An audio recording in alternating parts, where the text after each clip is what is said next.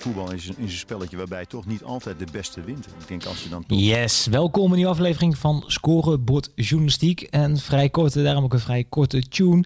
Ja, wat is het geval? Het seizoen zit erop, de prijzen zijn verdeeld. Maar niet getreurd, Scorebord Journalistiek gaat deze zomer gewoon door. Wat gaan we doen? Uh, we gaan volle bak naar het EK voetbal toe. Hier bij Voetbal International hebben we een live show. Elke ochtend tussen 10 en 11 te zien op vi.nl in je app. En zeker ook op YouTube. Gepresenteerd door Kees Jansma met hele toffe gasten. We beginnen met Wesley Snijder. Daarna komt Cyril Dessers. Nou, um, het Wiggers Maduro. Iedereen komt langs. En wat we nu doen voor de mensen die tussen 10 en 11 denken van ja, ik zit nog in de auto. Ik ben aan het werk. Uh, ik, ben, ik zit op school, weet ik het. Um, maar willen wel graag weten hoe dat, uh, hoe dat gegaan is. Alles weten over het EK.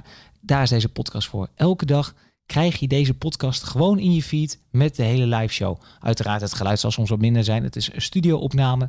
Maar ik denk zeker interessant genoeg als je alles wil weten over het EK voetbal. Nou, vind je het nou echt heel erg leuk? Probeer eens tussen 10 en 11 te kijken naar de live show. Zoals ik al zei, vi.nl, YouTube. En ga eens naar vi.nl of VI Pro voor meer achtergrond bij het EK voetbal. En bij deze de belofte, in het nieuwe seizoen zijn we gewoon weer terug met scorebord journalistiek.